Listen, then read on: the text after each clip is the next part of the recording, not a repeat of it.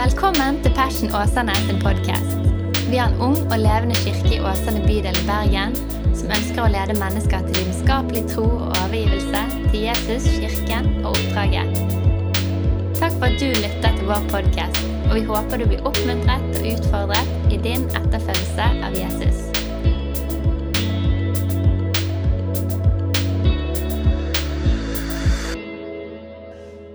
Hei, folkens. Kjekt å være med dere. Det er jo sånn at, eh, at eh, ja, Jeg heter jo Steinar Lofnes, da. Og så er familien min de sitter der. Og en gikk ut på Passion Kids. Så eh, det er Katrine, så er det Håp og Naomi. Og så Joshua der ute. Og så har vi en hund som er hjemme. Bare gi dere litt sånn oppmuntring. Fordi at det er ikke bare bare å plante menighet. Sånn som eh, dere har fått lov til å være med på. en del av dere. Noen av dere har jo blitt heldige å bare liksom få komme inn her og være med på noen herlige møter og høre. Men mange av dere har jo gjerne vært med å involvere dere og være med å bygge over år. Og det er ganske utfordrende. Så hvorfor i all verden gjør vi dette, da? Det er jo fordi at, at uh, Norge trenger flere forsamlinger. Og vi trenger forsamlinger, vi trenger menigheter spredd rundt omkring. Sånn at vi kan få flere og flere lys rundt omkring som gjør at flere kan møte Jesus. Å starte menigheter, menighetsplanting er jeg vet jo, Daniel har iallfall hjerte for menighetsplanting, så han, han, lekker sikkert litt ut av det. Men menighetsplanting er den mest effektive måten å nå nye mennesker på. Så det er kjempeviktig. Så når det gjelder så når det gjelder det med menighetsplanting, så har vi litt erfaringer sjøl. Og det er utrolig utfordrende. For noen år siden så hadde vi en kjempetøff tid. Og basically så det ut som at både bibelskolen vår En bibelskole som heter eh, Nå heter den Bibelskolen Impact, før den het Veien bibelskole. Det er et par av dere som har gått på den òg.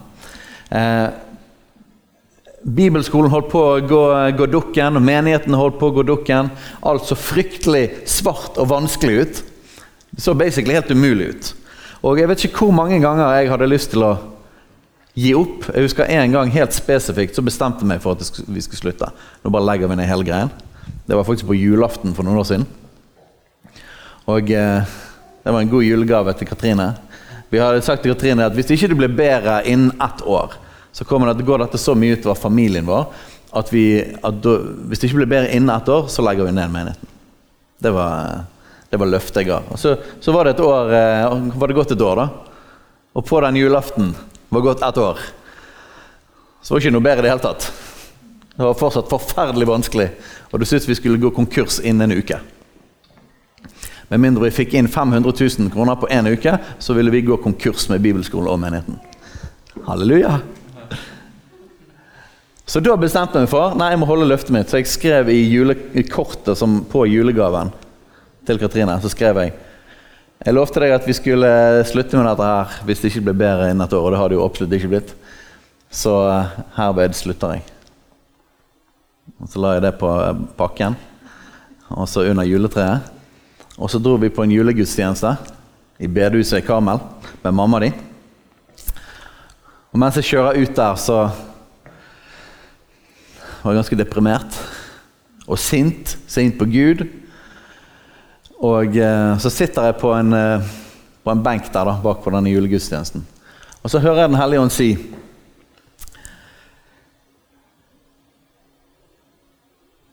Du har ikke spurt meg. Og så er det jo sånn at eh, familien er viktigere enn tjenesten og de tingene vi holder på med. Sant? Men så er det én ting som kommer over det, da, og det er Jesus. Han er herre. Så hvis han sier at jeg skal gjøre noe, så har jo ikke jeg noe valg.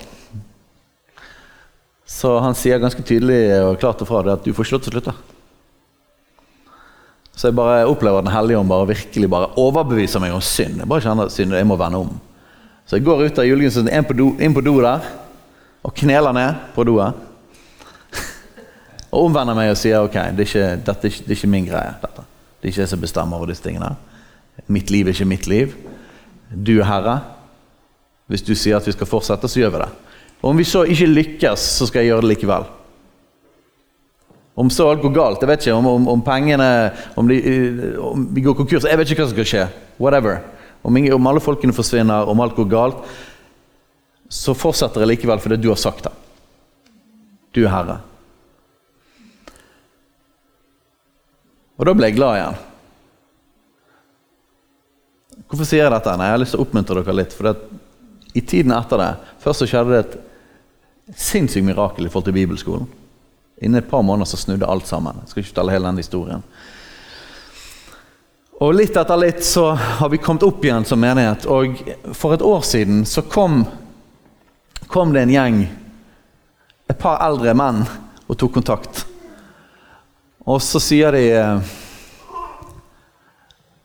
Og de er fra Evangeliekirken nede på Kronstad, en gammel Maranata-menighet. Og Så sier de at kan vi ha en prat om et eventuelt samarbeid. Og Så snakker jeg med de, og så basically så har de lyst til å gå inn i menigheten vår og gi oss hele bygget deres. Et bygg verdt 17 millioner kroner. En av de mest sentrale områdene i Bergen. Eh, og Nå holder vi på å jobbe med det, og i løpet av noen måneder så kommer vi til å slå sammen. Og Vi har fått satt et bønnehus der nå, når vi bønn og lovsang der hver eneste dag. Eh, og det er fortsatt utfordringer. Men Guds favør er der, og ting blomstrer og vokser. Så hvorfor sier jeg dette? Jeg sier det fordi at eh, Vær oppmuntret i forhold til det dere gjør i forhold til passion. Det er ikke basert på hvor mye vi menneskelig sett kan lykkes, men det er basert på lydighet. Lydighet mot Jesus. Og Så lenge vi lyder mot Han Vi kan ikke garantere resultatene, men om vi følger Han, så kommer Han til å gjøre umulige ting. Hvis Han vil det. Hvis vi går den veien Han har kalt oss, så vil Han åpne opp dører. Og Det gjelder både menigheten, men det gjelder vårt personlige liv. ikke det? Og Nå står vi liksom i en sånn her eh, absurd situasjon at Gud har gitt oss mer enn vi noen gang kunne fatte. Eh, men det har ikke vært noe mer vår egen eller min evne mer nå for dette skjer, enn det var da når vi ikke fikk det til, og at alt holdt på å gå ned. Det var bare én ting lydighet mot Han og Hans godhet Hans nåde. Så dere kommer til å lykkes. Vet dere hva, vet dere hva lykkes er i Guds rike? Suksess i Guds rike, det er lydighet. Lydighet er suksess. Når vi en gang står foran Jesus, så, så er jo spørsmålet Fulgte vi han? Og gjorde vi det han sa vi skulle gjøre? Forvaltet vi de talentene han ga oss? Det kommer ikke til å være spørsmålet hvor mye frukt har du, hvor, hvor vellykket var du? Vellykkethet i Guds rike er lydighet. Og Det fine med det er at det kan vi alle gjøre. Det, det, det, uansett hvor flinke vi er, eller hvor begavet vi er, eller hvor dårlige vi er En ting vi kan, det er at vi kan bøye oss for Jesus og si ok, du er min herre. Jeg følger deg, jeg gjør det du sier. Omstendighetene våre det har vi ikke kontroll over. Så far, jeg har lyst til at du skal bare velsigne hver eneste person her i denne forsamlingen. De som er her nå, de som ikke er her. Og jeg ber òg for alle de som har gitt inn og investert sitt liv inn i å bygge.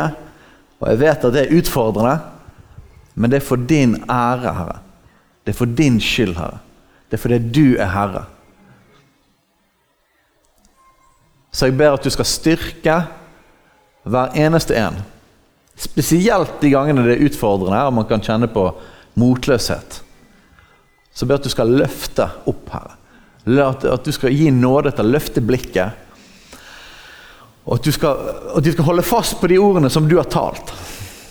Holde fast på løftene av det du har talt, Gud. I Jesu navn. Dette hadde ingenting med budskapet å gjøre, men jeg bare kjente jeg skulle fortelle det. Eh, Guds trofasthet når alt ser umulig ut og det er å bare følge han. Ok. Har dere fysiske bibler her i Passion? Er det sånn som eh, Er det sånn som man bruker i Åsane? Ja, så bra. Jeg vet Daniel han har alltid sånne fancy ting på skjermen. Det har ikke jeg. Han eh, sendte meg en melding og spurte om jeg kunne sende sånn slides og sånne ting en uke før jeg hadde tenkt på hva jeg skulle si. Så da fungerer vi litt forskjellig. Men uh, fysisk bibel, det funker alltid. Så jeg har lyst til å bare dele Jeg har bare lyst til å dele liksom kjernen av evangeliet med dere. Fordi at um, Fordi at vi trenger å høre evangeliet igjen og igjen og igjen og igjen. og igjen. Jeg vet at, uh, at evangeliet er bare sånne ting som vi trenger kunnskap om, men det er ting som vi trenger kontinuerlig åpenbaring om. Fordi at uh, vi som mennesker har en tendens til å gli vekk fra evangeliet og inn i strev. Er det noen som har opplevd det noen gang?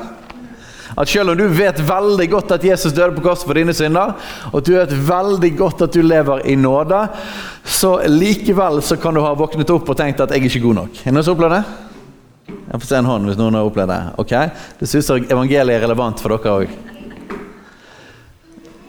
Så et av mine favorittvers det er i Romerne 5. Romerne 5,8.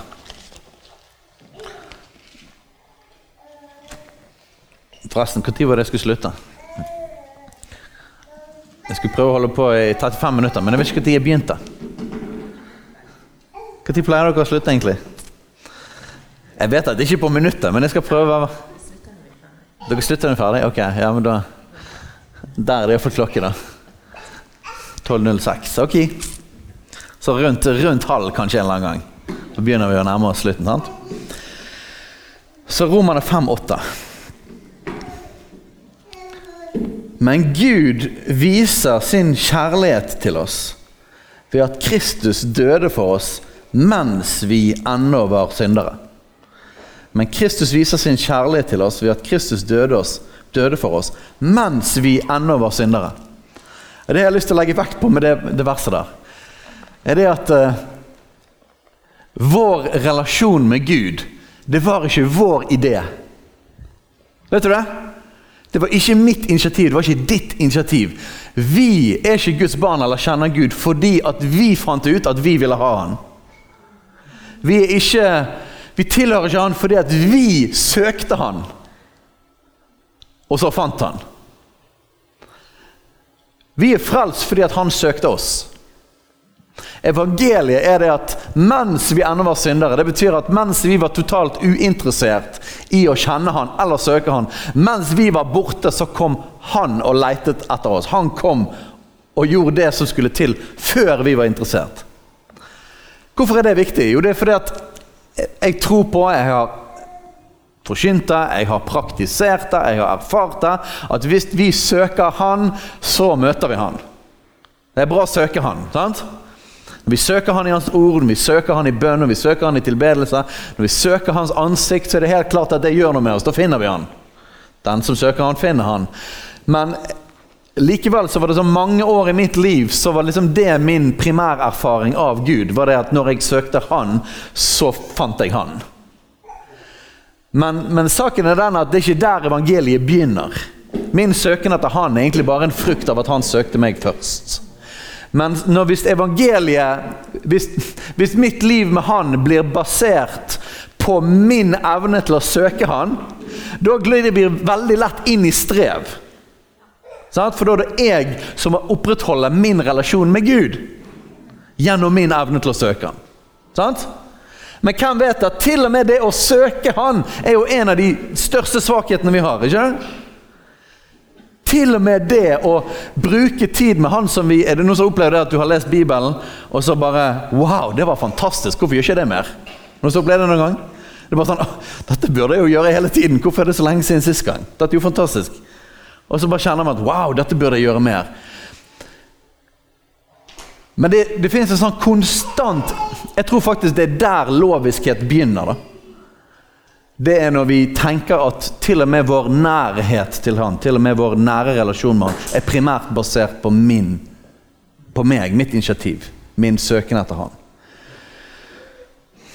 Men her står det at han viser sin kjærlighet til oss. Han viser hvor høyt han elsker oss.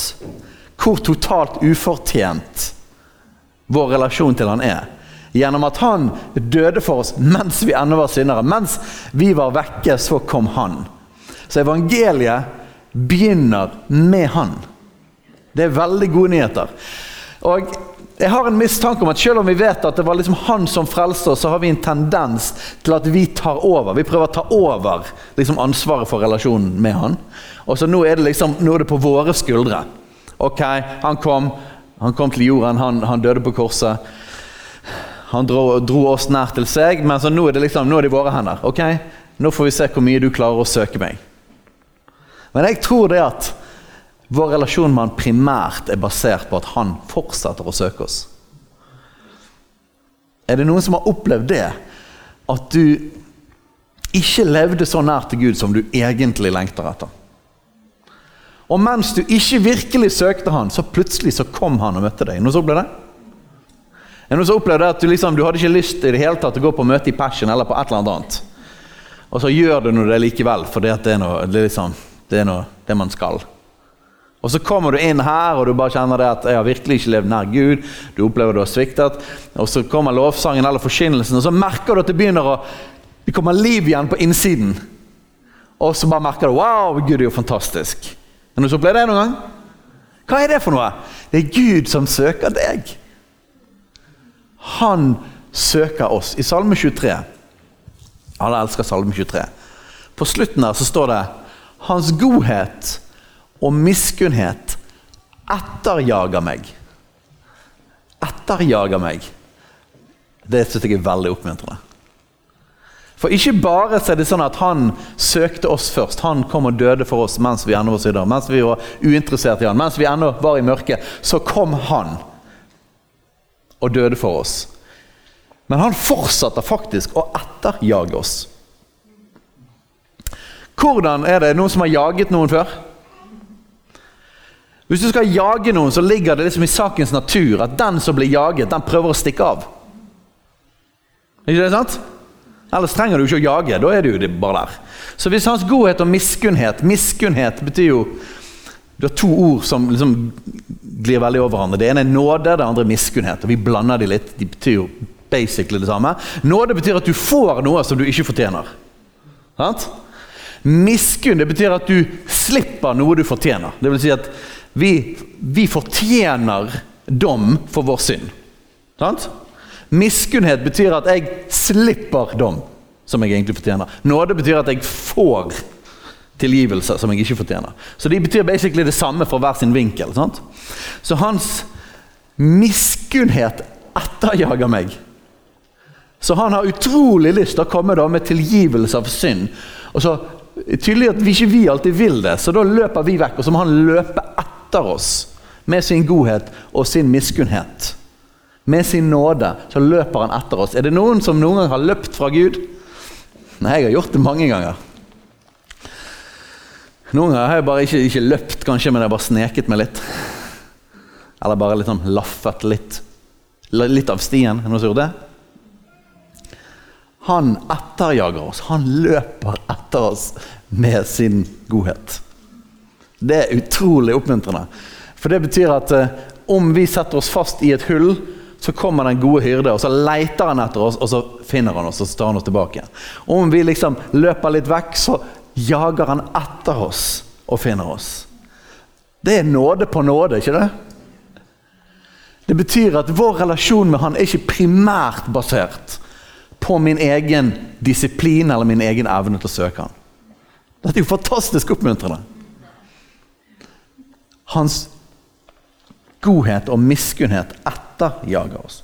La oss slå opp i 1. Johannes brev. Og Der er det jo en vers som dere, mange av dere sikkert kan kjempegodt. Som handler om dette. Hvordan er denne dynamikken fungerer. da? 1. Johannes kapittel 4. Her står det ganske tydelig, Hvis dere ser min bibel her, så står det ganske tydelig hva det handler om her. Dette kapittelet handler om kjærlighet.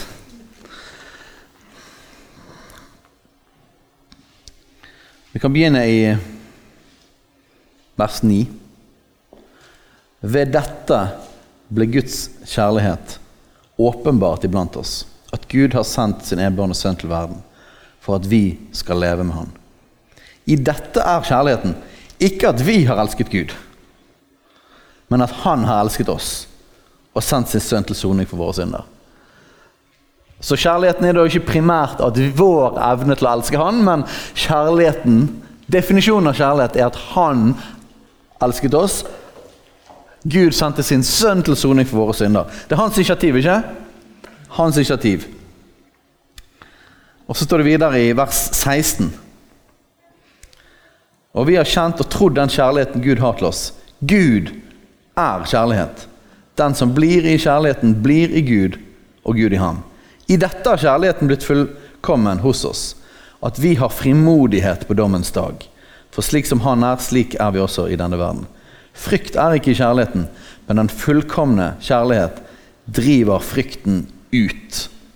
For frykten har med straff å gjøre, og den som frykter, er ikke blitt fullkommen i kjærligheten. Vi elsker fordi Han elsket oss først.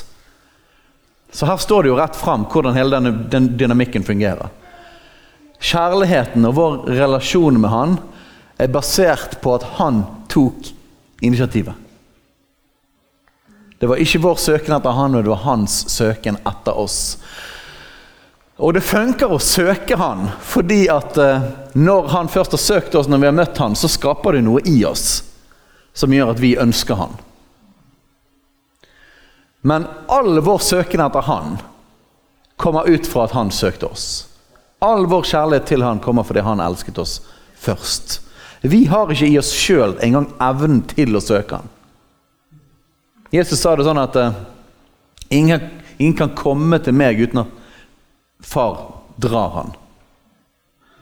Vi har ikke engang evnen til å komme. Vet du hva? Det er faktisk utrolig frigjørende. For det betyr at min relasjon med han er ikke primært basert på mine evner. Men det er basert på at han drar meg. Faktisk så tror jeg det er sånn at uh, vi har jo en fri vilje. sant? Gud har gitt oss evnen til å velge rett eller galt, velge hans vilje eller ikke velge hans vilje. Men vi har Dette er veldig, veldig luthersk for de som kjenner teologien. Vi har egentlig ikke evnen, sånn som jeg leser evangeliet, så har vi egentlig ikke evnen til å velge han i så stor grad. Vi har primært evnen til å velge han vekk når han kaller oss. Vet du forskjellen på det? Så det er, ikke, det er ikke det at vi i så stor grad Menneskeheten har ikke så mye futt i seg eller så mye ønske om å faktisk kjenne Gud at vi har veldig stor evne til å velge Han. Men han velger oss. Han kaller oss, han søker oss. Og når han søker oss, så har vi en mulighet til å forherde oss og si nei til han. Så vi har en fri vilje, men vi har primært en mulighet til å velge han vekk. Vi har mindre mulighet til å velge han. Skjønner dere forskjellen på det? Det, det betyr akkurat det samme igjen. Han er den initiativtagende. Han er den som bærer vår relasjon med han. Han er den som drar oss, lokker oss, søker oss. Han er den som gir oss kjærlighet og vekker kjærligheten på innsiden av oss. Han jager etter oss, til og med når vi løper vekk. Og Gjennom det så vekker han kjærligheten i oss. Og så lenge vi ikke forherder oss når han kaller, når han drar, og det gjør han stadig vekk Så hvis vi ikke forherder oss, så, så, så er han der. Historien om bortkomne sønn, da, da er illustrasjonen at han står og speider. Sant? Han står og speider hele tiden. Men det er jo Guds godhet som dro sønnen tilbake igjen.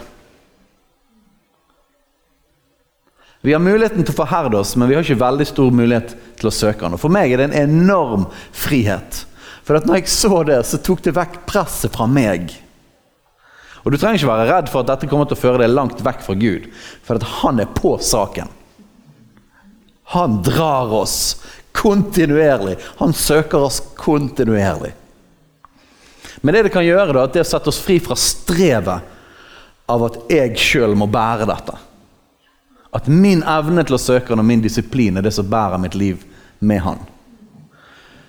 For vi vet hvor viktig det er med Guds ord, vi vet hvor viktig det er å være i hans nærvær. Vi vet hvor viktig det er å være i bønn og i tilbedelsen. sant? Vi vet hva det gjør med oss. Og når vi vet det, hva, hva, det gjør med oss, og når vi vet hvor viktig det er, og vi vet at alt kommer ut av det livet der i hans nærvær sant? Når vi vet det,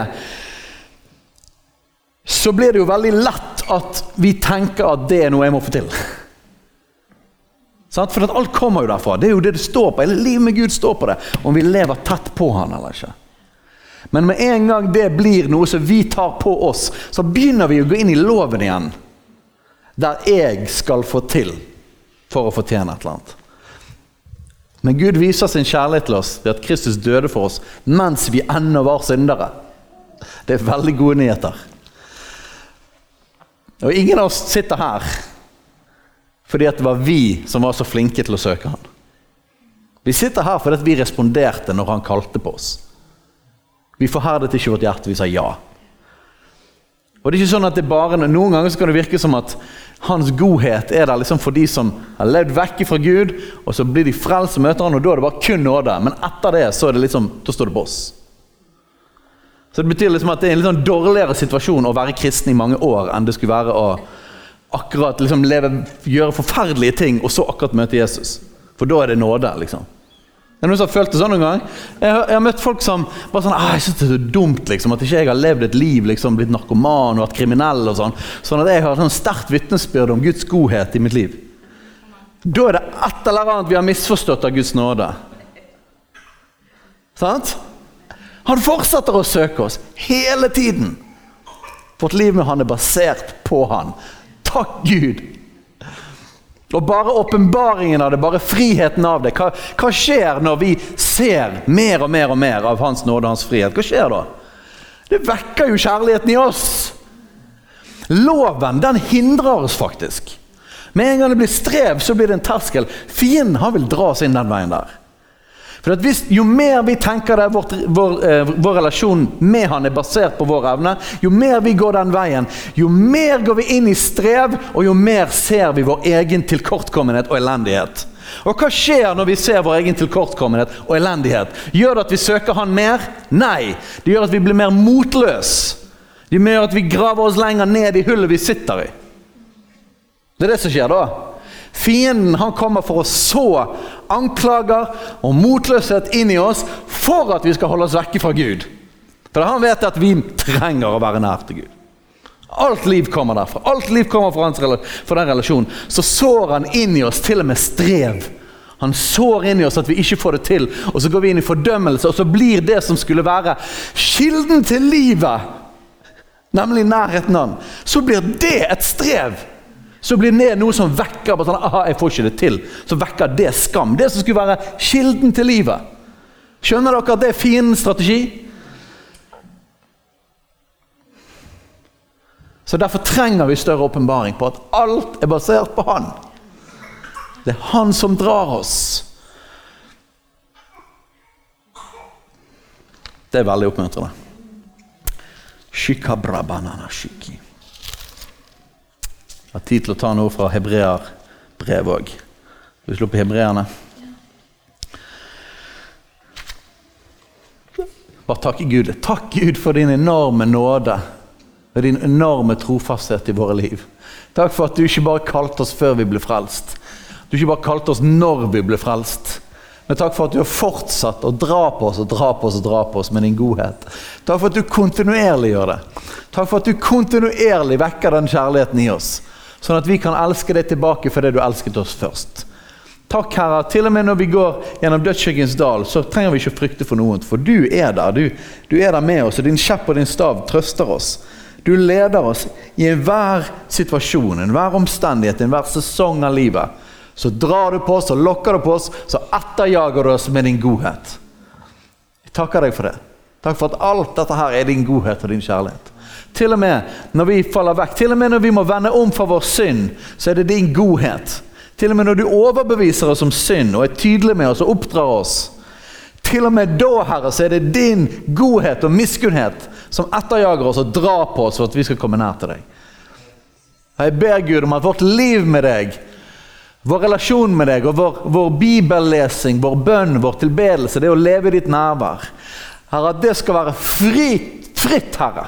Fra skam og fordømmelse og fra lovens forbannelse.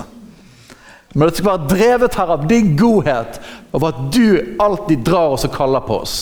Jeg ber at fienden ikke skal lure oss.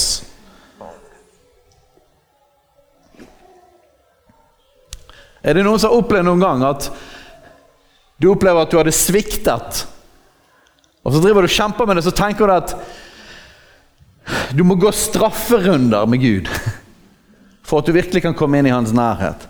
Jeg husker en gang jeg holdt på i en sånn eh, greie som det der. Og så bare plutselig slo det meg at det der med tilgivelse av synd er jo sånn rimelig høyt oppe på listen av ting Jesus er god på. Det er liksom ganske sentralt i evangeliet, ikke det? Det er helt utrolig hvordan vi kan misse liksom, de mest sentrale tingene. Og Derfor trenger vi å høre evangeliet igjen og igjen og igjen og igjen. Hebreerne 10. Rabashikibri. Um, fra vers 12. Men Jesus har båret fram ett eneste offer for synder og har deretter for alltid satt seg ved Guds høyre hånd. Nå venter han bare på at hans fiender skal bli lagt til skammel for hans føtter. For med ett offer har han for alltid gjort dem fullkomne som blir helliget. Jeg har ikke tid til å gå for dypt inn i det verset, men det er ganske heftig. Gjennom ett offer så har han for alltid gjort oss fullkomne. Vet dere at det eh, er mer enn vanlig norsk ord for fullkommen? Perfekt. Med ett offer har han gjort oss perfekt, vi som blir helliget. Oi, oi, oi, det der verset der det er alltid utfordrende. For det, vi blir konfrontert med, er det at i oss sjøl så er ikke vi perfekt. Sant? Når jeg kommer opp til meg 'Jeg er perfekt!' Så bare Nei, det er jeg ikke. Det er det, som, det er kampen som skjer inni oss. ikke? Men med ett offer har han gjort, for alltid. Ikke tid til å gå langt inn i det. Men jeg forkynner ikke her det at du ikke kan falle fra. Man kan falle fra. Det går an å falle fra Gud, men det, det er vanskelig, da. Det er utfordrende.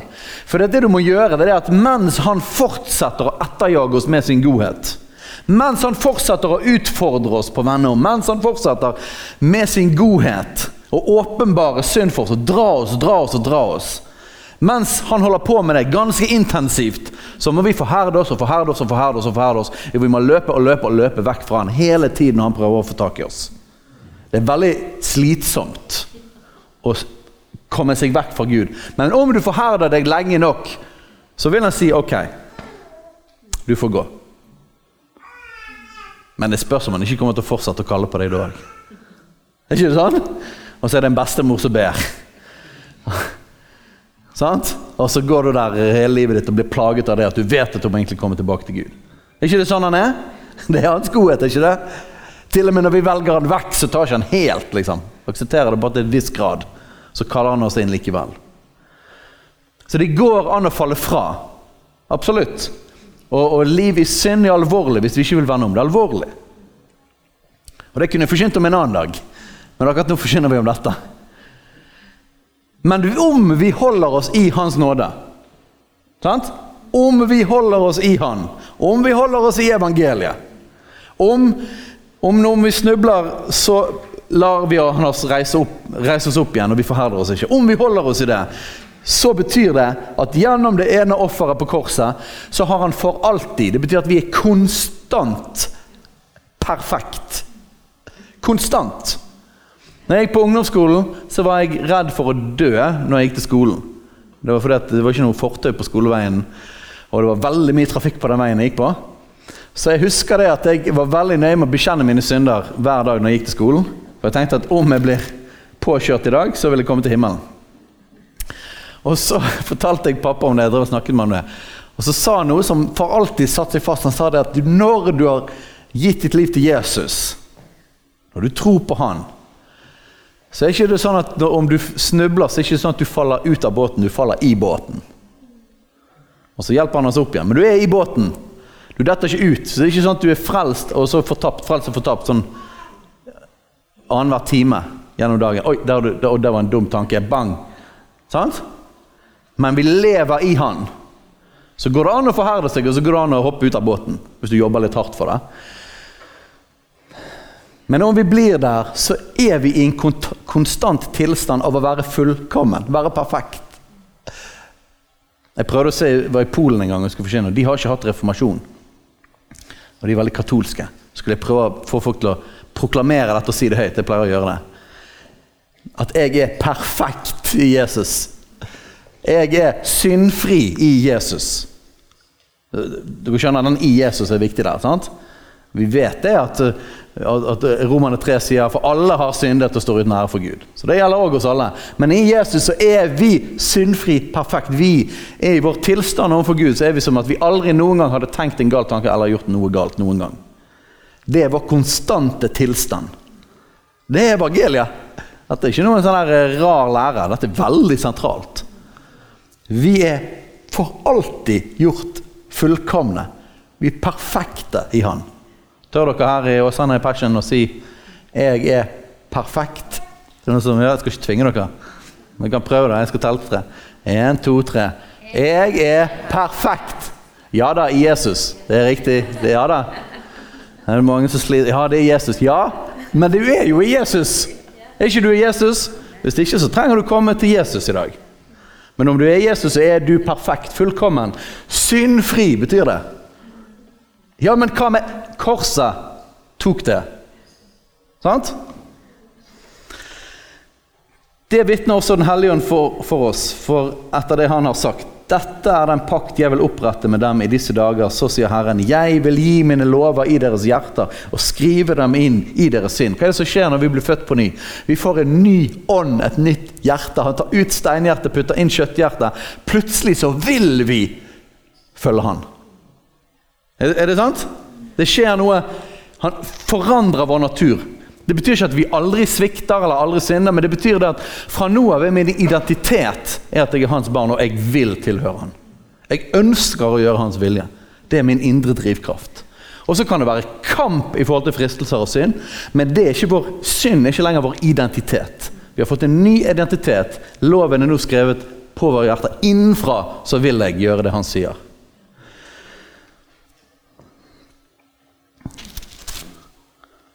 Og så, nå er vi snart ferdig her, vi må ha disse indrefileten her. Deres synder og deres overtredelser vil jeg ikke mer komme i hu. Husker ikke syndene våre lenger. Men der det er forlatelse for syndene, der det er tilgivelse for syndene, trengs det ikke lenger noe offer for synd. Det trengs ikke ofring lenger vi trenger ikke å piske oss. Er det noen som har pisket seg noen gang?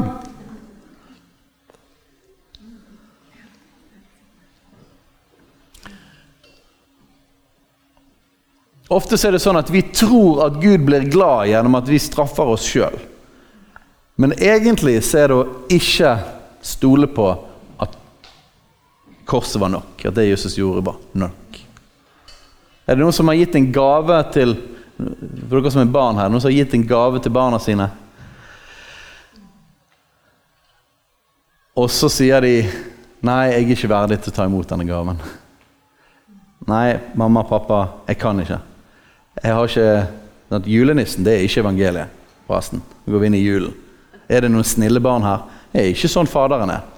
Er det det? Hvis du har gjort dumme ting, så får du ingenting. Hvis du har vært snill, så får du det. Det er jo loven! Det er jo et falskt evangelium. Sant? Men tenk hvis du hadde, skulle gitt en fantastisk gave du vet, på slutten av julaften, når liksom, ungene trodde de skulle få noe større, og så hadde de fått alle gavene. Og er jo glad, men liksom, det var ikke helt dem. Så har du gjemt den store pakken inne på rommet. Eller, i sant? Og så tar man den ut.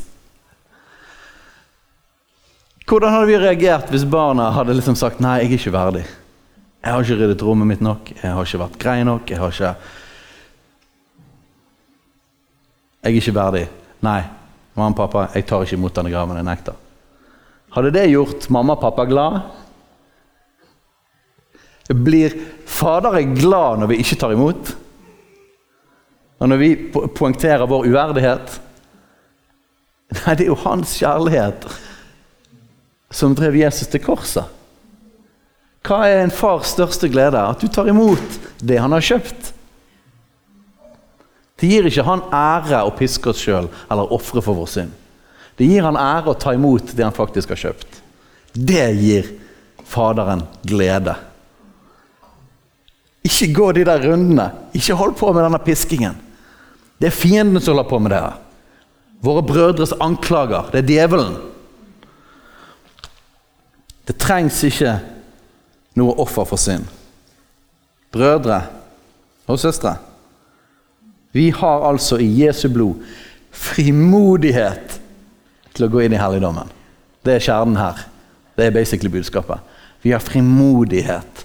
Vi kan være frimodig til å gå foran Han. Det er ikke basert på oss. Han kaller oss, han lokker oss, han drar oss. Ikke stå imot det. Ikke la fienden få lure deg. La han få dra deg inn. Vi har frimodighet til å gå inn i helligdommen. Til den har han innviet for oss en ny og levende vei gjennom forhenget. Der han sjøl. Gjennom forhenget. Vi kan gå inn i det aller helligste. Inn i hans nærvær. Inn i hans herlighet. Og vi har en stor prest over Guds hus. Så la oss da tre fram med sannferdig hjerte i troens fulle visshet. Med hjertet renset fra en ond samvittighet. Og med legemet badet i rent vann. Skal vi gjøre det? La oss tre fram for Han med frimodighet, med hjertet renset fra en ond samvittighet. Ikke la fienden lure deg til å tro at den er Den hellige ånd som overbeviser om synd. For Den hellige ånd, når han peker på synd, så er det alltid til liv. Det er alltid til Han. Det er alltid for hans nærhet. For at vi skal komme nær. Det er for å ta vekk det som hindrer oss fra relasjon og nærhet med Gud.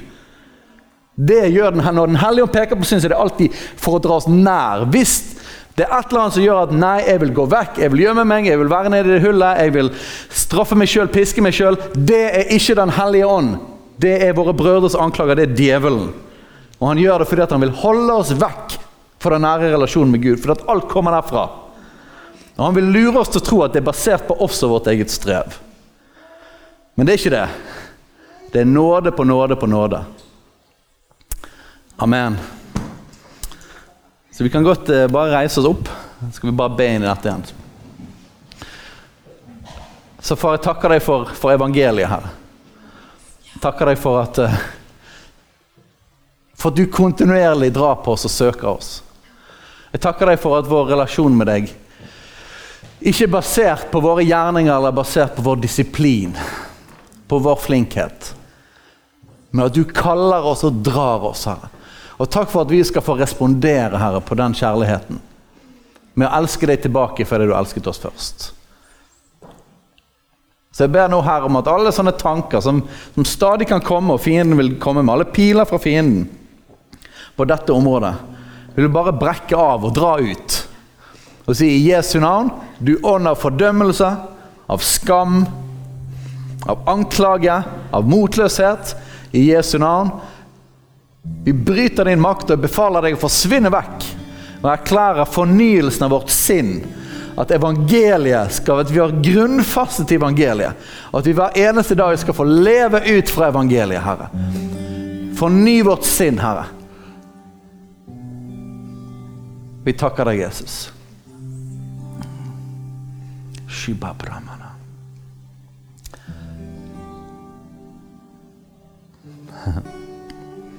Jeg skal bare stå her litt. Grann. Vi takker deg, Gud. Takk for din enorme godhet og din enorme nåde.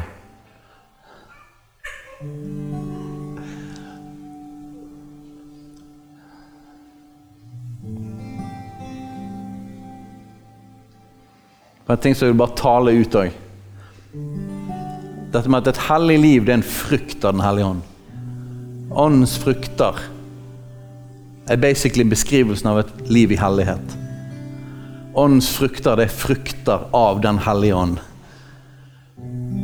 Den hellige ånds frukter med nærhet til Han, så flyter hellighet ut. Johannes 15, vintreet og greinene. Den som blir i Han og Han i oss. Da bærer vi frukt.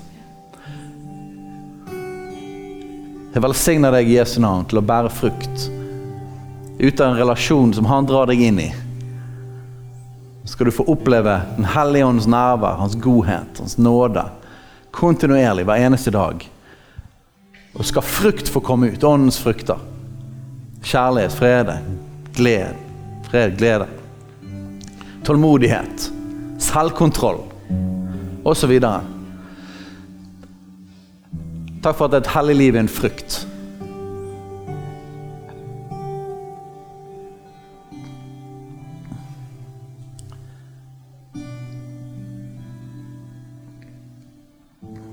Takk, Gud. Herre, du er god her. Du er verdig her, du er mektig her. Tilber deg her.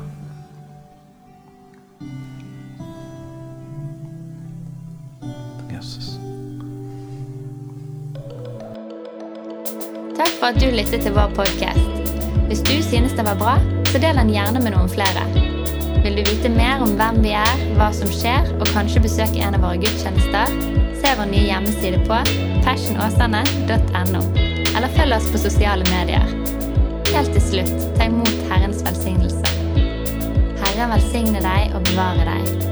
Herren la sitt ansikt lyse over deg og være deg nådig. Herren løfte sitt åsyn på deg og gi deg fred.